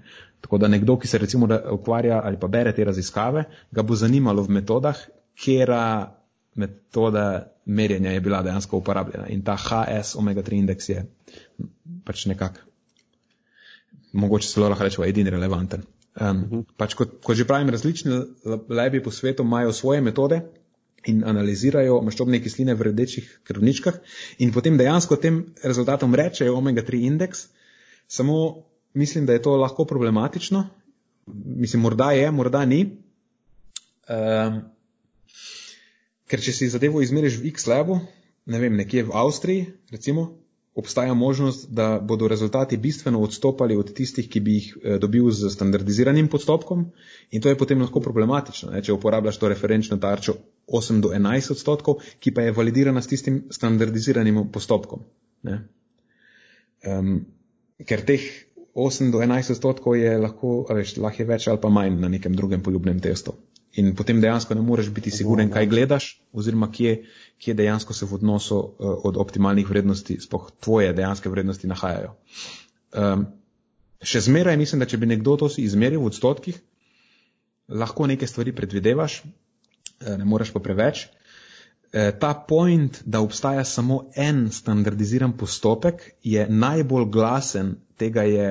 Um, en gospod, ki je von Šeki, mislim, da je, ki je eh, neka avtoriteta na področju merjenja omega-3 indeksa, ampak je tudi, um, kako bo temu rekla, podprt za strani eh, najbolj vplivnega podjetja na področju merjenja omega-3 indeksa in tistega podjetja, ki ima ta trademark. Tako da Eh, tudi to vzamemo vse skupaj z zrnom. Vzeti zrnom soli. Moramo vzeti zrnom soli, ne? ampak dejansko je, da glej, pač, ja, ta HS omega 3 indeks je validirana metoda in tudi večina raziskav jo uporablja, ne vemo pa, koliko so potem vse ostale dejanske metode eh, blizu, blizu temu. Ampak glej, v vsakem primeru, še, to, to je pa mogoče zdaj najbolj pomemben point, ne? Um, pač, mislim, da vsem, uh, da bi potegnili neke uporabne nauke iz tega omega-3 indeksa. Ne? Mislim, da sploh ni potrebno meriti omega-3 indeksa, če razumemo konceptualno, kaj ta, kaj ta stvar pomeni. Ne? Pa si znamo, pač potem te raziskave, ki uporabljajo omega-3 indeks, lahko nekako uporabimo v praksi, brez tega, da bi nekoga napotili, da se zmeri to zadevo. Ne?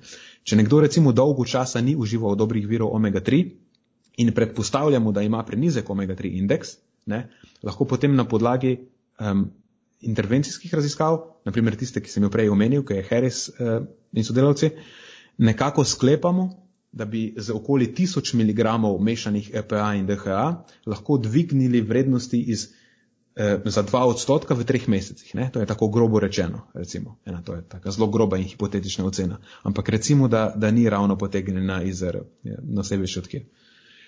Um, kjer sonce ne posije.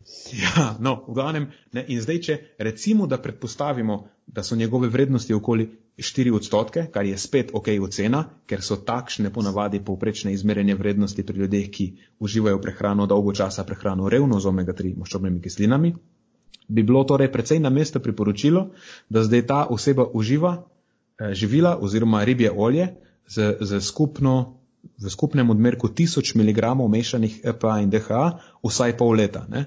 ker rabimo 4 odstotke, da se približamo tej meji 8, 8 odstotkov. Ne?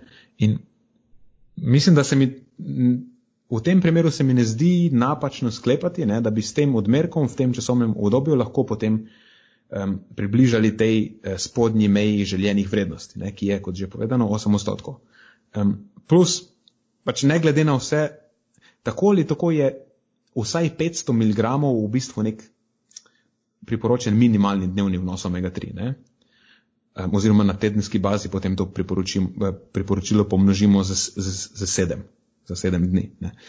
In pa Japonci, ki imajo pa po moje najbolje razdeljena ta priporočila, za večino starostnih skupin priporočajo celo okoli 1500 mg na dan. Um, tako da v vsakem primeru teh 1000 mg pač ni, niti približno ni visok odmerek, ampak je čist povsem na mesto priporočilo. In za nekoga, ki je prej užival premalo omega-3, um, oziroma bi lahko imel celo povišene potrebe, recimo da je nosečnica ali pa športnik, bi mogoče bilo na mestu še um, priporočiti še višji odmerek kot to. Ne? Ampak recimo, da je 1000 mg dober začetek za nekoga v taki situaciji na dan. In ker sem glih končal pri športnikih, um, Mislim, da lahko probava zdaj ugotoviti še koliko bi bil nek smiseln vnos za enega resnega športnika, um, če sklepava na podlagi raziskav, ki uporabljajo omega-3 indeks pri tej populaciji. Nenad, uh, se zdaj boriš za tiste, da, da boš postal najboljši, najbolj smooth prehod uh, med, med najdi matematikami. Ja, veš, pripravil, strukturiral sem to zadevo. Odlično, pa si se veliko bolje pripravil kot jaz. Ok, izvrstno. Bom, bom poskušal zdaj navezati temo omega-3 indeksa tudi na športno populacijo. Um, v bistvu, ko sem ti napisal sprva za ta omega-3 indeks, um, sem, je to izhajalo iz, eh, iz ene prebrane raziskave od Rica in sodelavcev, eh, ki se ukvarja predvsem s tem, kako dosledno športniki pokrivajo svoje potrebe po omega-3 in to se mi je zdela ena taka zelo zanimiva tematika. Uh, skratka, to je raziskava, ki je šla aprila letos in raziskovalce zanimala, kako dosledni so profesionalni športniki pri zagotavljanju svojih potreb po omega-3. In ta raziskava je zajela preko 1500 športnikov iz te NCAA divizija 1 združenja.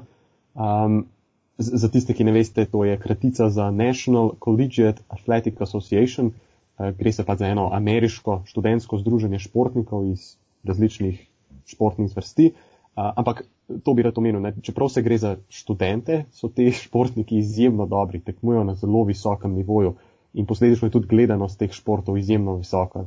A malo sem pogledal statistiko, se mi zdi, da za, uh, za, za uh, to divizijo ameriškega nogometa, da je lani spremljalo preko 20 milijonov gledalcev po tem finale, kar je pač enormna številka. Uh, skratka, če se vrnemo k raziskavi.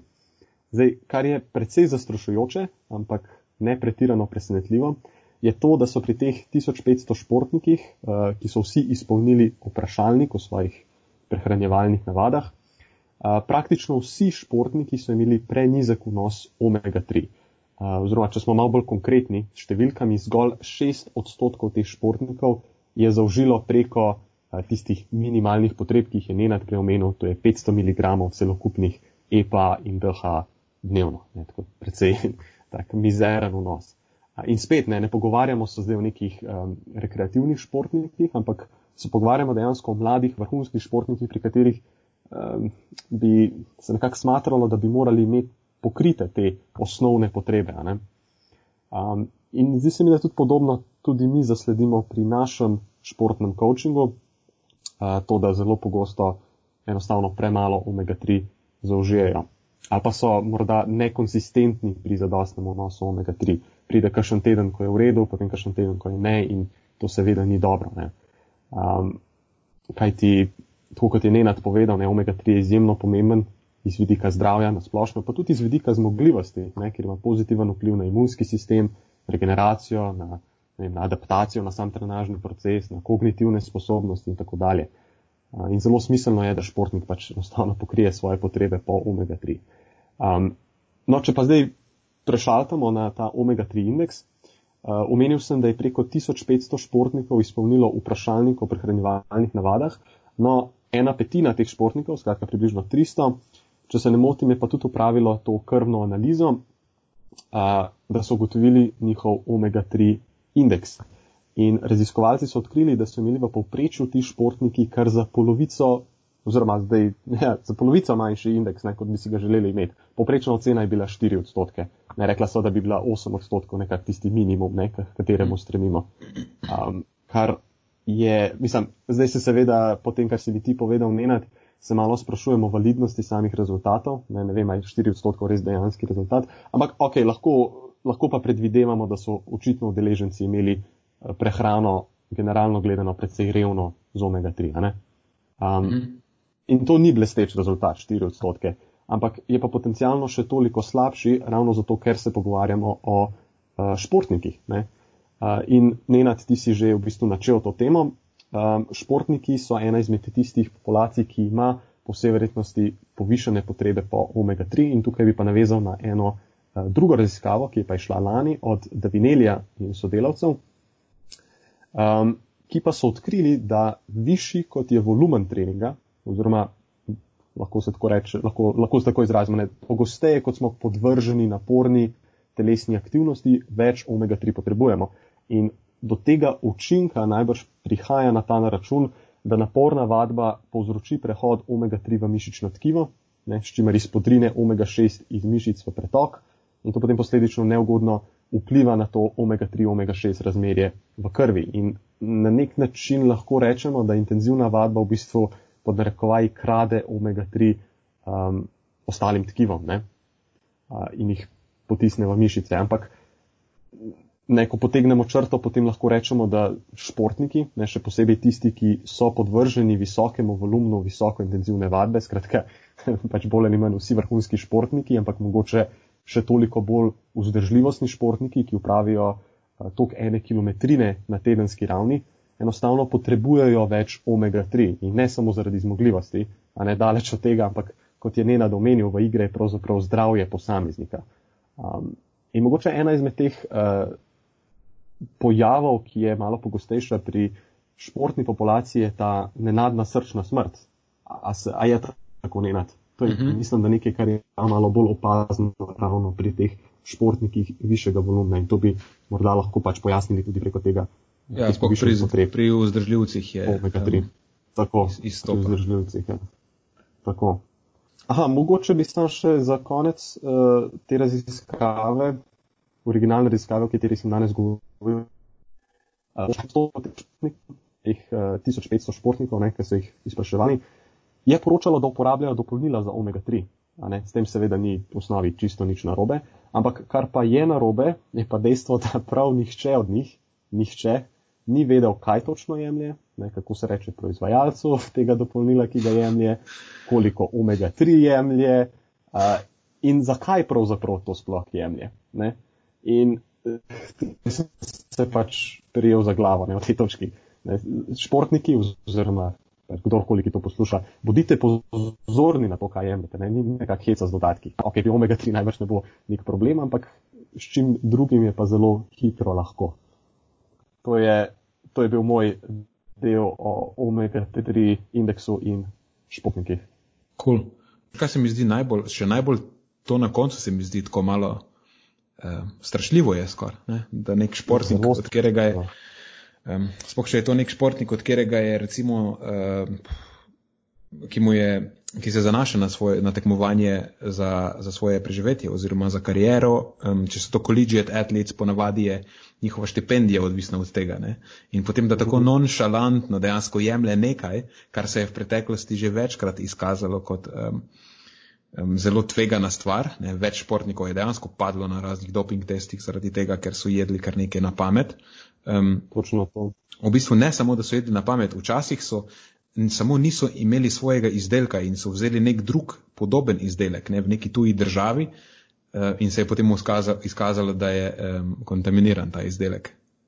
Tako da to, to me vedno znova preseneti, ne, ko pride kak športnik pa mi reče, da ko ga vprašam, zakaj pa to jemlješ, pa ne ve niti povedati, zakaj to jemlje, ampak je samo slišal nekje in kje si to dobil, pač prvo stvar, ki sem jo videl, sem kupil.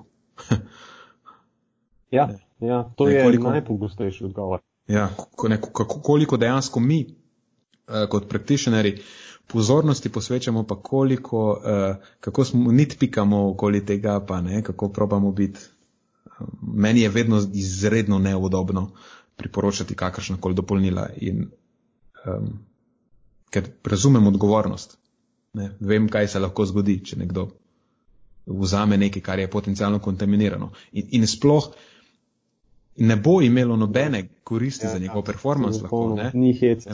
Veš, tudi ta kontaminacija, si misliš, ok, kul, cool, so pa anaboliki noter, bom bolj močen. Ne? ne, ponavadi so to neke brezvezne stvari, še mogoče kakšni metaboliti, ki so popolnoma nekoristni ne? in tudi večina testov, dopinških testov je izjemno senzitivnih in to so lahko količine, ki so za, te, za tvoj performance nerelevantne, zato tega nisi na boljšem, ampak so samo zaznane. Ne? In padeš.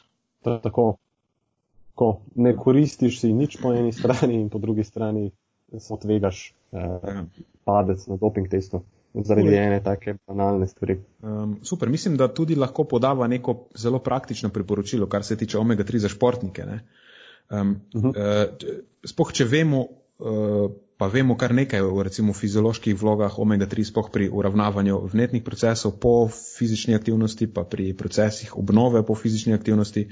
Um, Mm, vemo, da so omega-3 eh, pač, da igrajo pomembno vlogo, ne? Eh, da so pomemben gradnik tudi nekih molekul, ki eh, ključno uravnavajo te procese.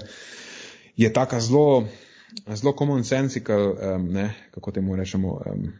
Zdravo razumska. Ja, zdravo razumska predpostavka, da bodo te stvari povečale turnover, ne, porabo omega-3 maščobnih kislin v teh procesih regeneracije po naporni fizični aktivnosti in da imajo iz tega naslova najbrž športniki, ki imajo večji volumen uh, treninga oziroma ne, so izpostavljeni bolj naporni fizični aktivnosti, bodo imeli večje, večje potrebe. In tudi ta vrednost njihova 4 odstotke, recimo, če predvidevava, da je, da je izmerjena dobro, ne, Uh -huh. Eh, pa tudi, če ni, v bistvu, močno dvomim, da veš, lahko odstopa v par odstotkih.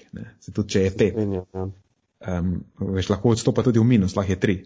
Eh, ampak nekako se upada z tistih 3,5 do 4, ki jih načeloma poročajo pri ljudeh, ki ni, ne uživajo dovolj omega-3, glede na njihove potrebe. Ne. Tako da, uh, pa če vse kaže, da ti športniki, ne, vse kar je logično, če ne uživajo dopolnil in spoh ne zadost dosledno, potem pač imajo nizke uh, ravni omega-3. In za nekoga v taki situaciji, mislim, da je tistih 1000 mg na dan, ampak res dosledno uživanih na dan, zelo dober začetek. Uh, ampak za nekoga, ki mogoče dlje časa že ni počel tega dosledno, mislim, da niti 2 grama, ne, torej 2000 mg, um, ne bi bilo napačno priporočilo, vsaj za neko obdobje, ne vem, recimo pol leta. Um, ker tudi vemo, da dva grama še zmeraj sta povezana z ugodnimi učinki, ne? mogoče še celo bolj dosledno um, kot, kot en sam miligram. Ne? Tako da dva miligrama ni nevarna količina. Uh, a veš, v, v nekih posebnih kliničnih situacijah se celo priporoča 3 ali pa 4 grame. Sicer to govorimo potem o kroničnih vnetnih boleznih in tako naprej. Ampak 2 grama je za nekoga, ki prej teh stvari ne, ni imel izrihtanih in je oseba, ki, za katero lahko predvidevamo, da ima više potrebe potem, uh, smiselno priporočilo. Tako da tisoč recimo za tiste, ki probamo vzdrževati zadevo, pa 2000 za une, ki, um, to je miligramov na dan. Za tiste, ki, ki bolj trenirajo, bolj Tako. intenzivno. Če pa to v prakso pretvoriva, recimo v porcije rib, teh 1000 mg so nekje 2 do 3 porcije rib, masnih rib, recimo srdelc na teden, dočim eh, 2 mili, 2 mg, 2000 mg na teden je pa že kar enih 6 porcij na teden rib. Tako da pomeni, da moraš ribe jesti vsak, vsak dan. Ne? Ja, v, pač v luči tega moraš tudi dobro razmisliti, kje ribe boš zbral, pač ne jesti um, nekih velikih rib, to smo zadnjič govorili, ne, um, o, o težkih kovinah in drugih onesnaževalcih v ribah. Um, srdelce so vsekakor, ali pa recimo nek uh, divji losos ali pa take manjše ribe, so izbira, ki jo lahko ješ brez zadržkov vsak dan. Um, v vsakem primeru pa še zmeraj je neko kakovostno ribje olje tiste, s katerim zelo enostavno potem te stvari zagotoviš, tudi če ne maraš rib. Veš, to je potem nekje 3 do 6 kapsul tega na dan. Tako, To je 3 do 6 grame ribjega olja. tako. Še zmeraj je pa tudi opcija mogoče nekega kombiniranega pristopa. Ne? Ja, tako. Ribe in ribje olje. Mislim, da je nekje eh, super kompromis, ne? ker ribe še vseeno imajo, so nekako v živilu z ugodnimi učinki. Pač živilo, ki ga je priporočljivo uživati, ker vsebujejo še marsikaj drugega, ne samo omega 3. Je pa tudi prednost pri tem omega-3 mogoče to, da, eh, da ne rabimo zdaj gledati mogoče na dnevni bazi, ne? poskušamo gledati tisto net količino na koncu tedna. Tako. Potem pa, če vidimo, da nam mogoče malo zmanjka, pa probamo malo dokrpati, bodi si s hrano ali z dopolnili ali kombinacijo tega. Tako. Sej, ne, tudi če rečeš, da tri, tri eh, porcije rib na, na teden za 1000 mg na dan, ne, se jih ne boš treh porcij delil na sedem, pa boš užival vsak. Ja. vsak, vsak dan malo porcije. Ne. Pač ma, maščobe se že predvideva, da so v maščobah topne. Ne. Mislim, tako da so neko hranilo, ki se načeloma skladišči in se potem razporeja, oziroma telo ga razporeja tako, kot ga potrebuje skozi neko daljšo, daljšo obdobje Tako. ga dejansko lahko uživaš na, na tedenski bazi, če si vnos predstavljaš na tedenski bazi in ga eh, zagotavljaš na tedenski bazi, je po moje povsem dovolj. Sploh pa, če to stvar razdeliš na dva ali pa tri dele, pa je več kot to ne rabiš. Se strinjam. Cool. Super. Potem to pomeni, da so za danes opravila. Ja. Ej, Eh, spet bodo smo pa- v dobrih uro in pol, uro 40, ko končamo. A, očitno sva natempirana na to. Ne? ja, Okay. dobro, tako da, nač, uh, a je to konec? Tako, to je Dobro, konec. pol na, na tej točki nam ostane samo še to, da se vam eh, vsem lepo zahvaliva za poslušanje. Eh, lepa hvala vsem, ki delite te najne poste in nama pomagate promovirati podcast, da ga vidi eh, čim več ljudi. Zato sva vam super hvaležna za vsak šer. Jaz vsak šer probam repostati, isto Matjaš. Edino ne biti jezni, če imate privaten profil, ker v tem primeru ga pač ne morem repostati, ker mi Instagram ne dovoli, uh, bi ga z veseljem. Mm, hvala tudi vsem, ki, ki glasujete in nam dajete pozitivne ocene. Uh, Matjaš, moram ti povedati, iTunes me je obvestil, da imava zaenkrat pet ratingov in vse, vseh pet je od- odlična ocena. Tako da A, trenutno Wow. ja, nama publika daje oceno čisto petko. Poslušalci, poslušalke, najlepša hvala. To je pa zelo, zelo dobro. Prosim, nadaljujte trend. Tako. Eh, tudi za kak komentar bova, bova hvaležna na iTunesih. Eh, lej, v vsakem primeru eh, ta podcast delava za vas in vi ste ustvarjalci tega. Dajte se nama javiti v inbox, eh, povejte, kaj vam je všeč, kaj vam ni in česa bi radi videli še več in um, mogoče kaj bi radi videli, da je drugače v prihodnosti. Um, če vas zanimajo naše storitve, predvsem vadba, prehranski coaching, lahko nam pišete v direktna sporočila. Uh, lahko se oglasite tudi na naš uradni e-mail, ki je info at feel, pomišljaj good.si. To je info at fil, pomišljaj good.si.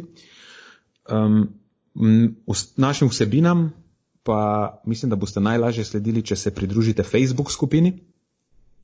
To je naša Feel Good skupnost na Facebooku. Um, ali pa pač, da enostavno pofollowate najna profila, ki sta tako kot vedno matjaš.feelgood in nenat.feelgood, tako na Instagramu kot na Facebooku imava oba takšen handle. Um, ja, to je, to je to z moje strani. Ja, uh, nenat, hvala za še en odličen in poučen pogovor in seveda hvala vsem poslušalcem za pozornost, ne, še posebej tistim, ki ste si pribili tukaj do konca. Um, nič, jejte dovolj omega 3 in se slišimo naslednjič.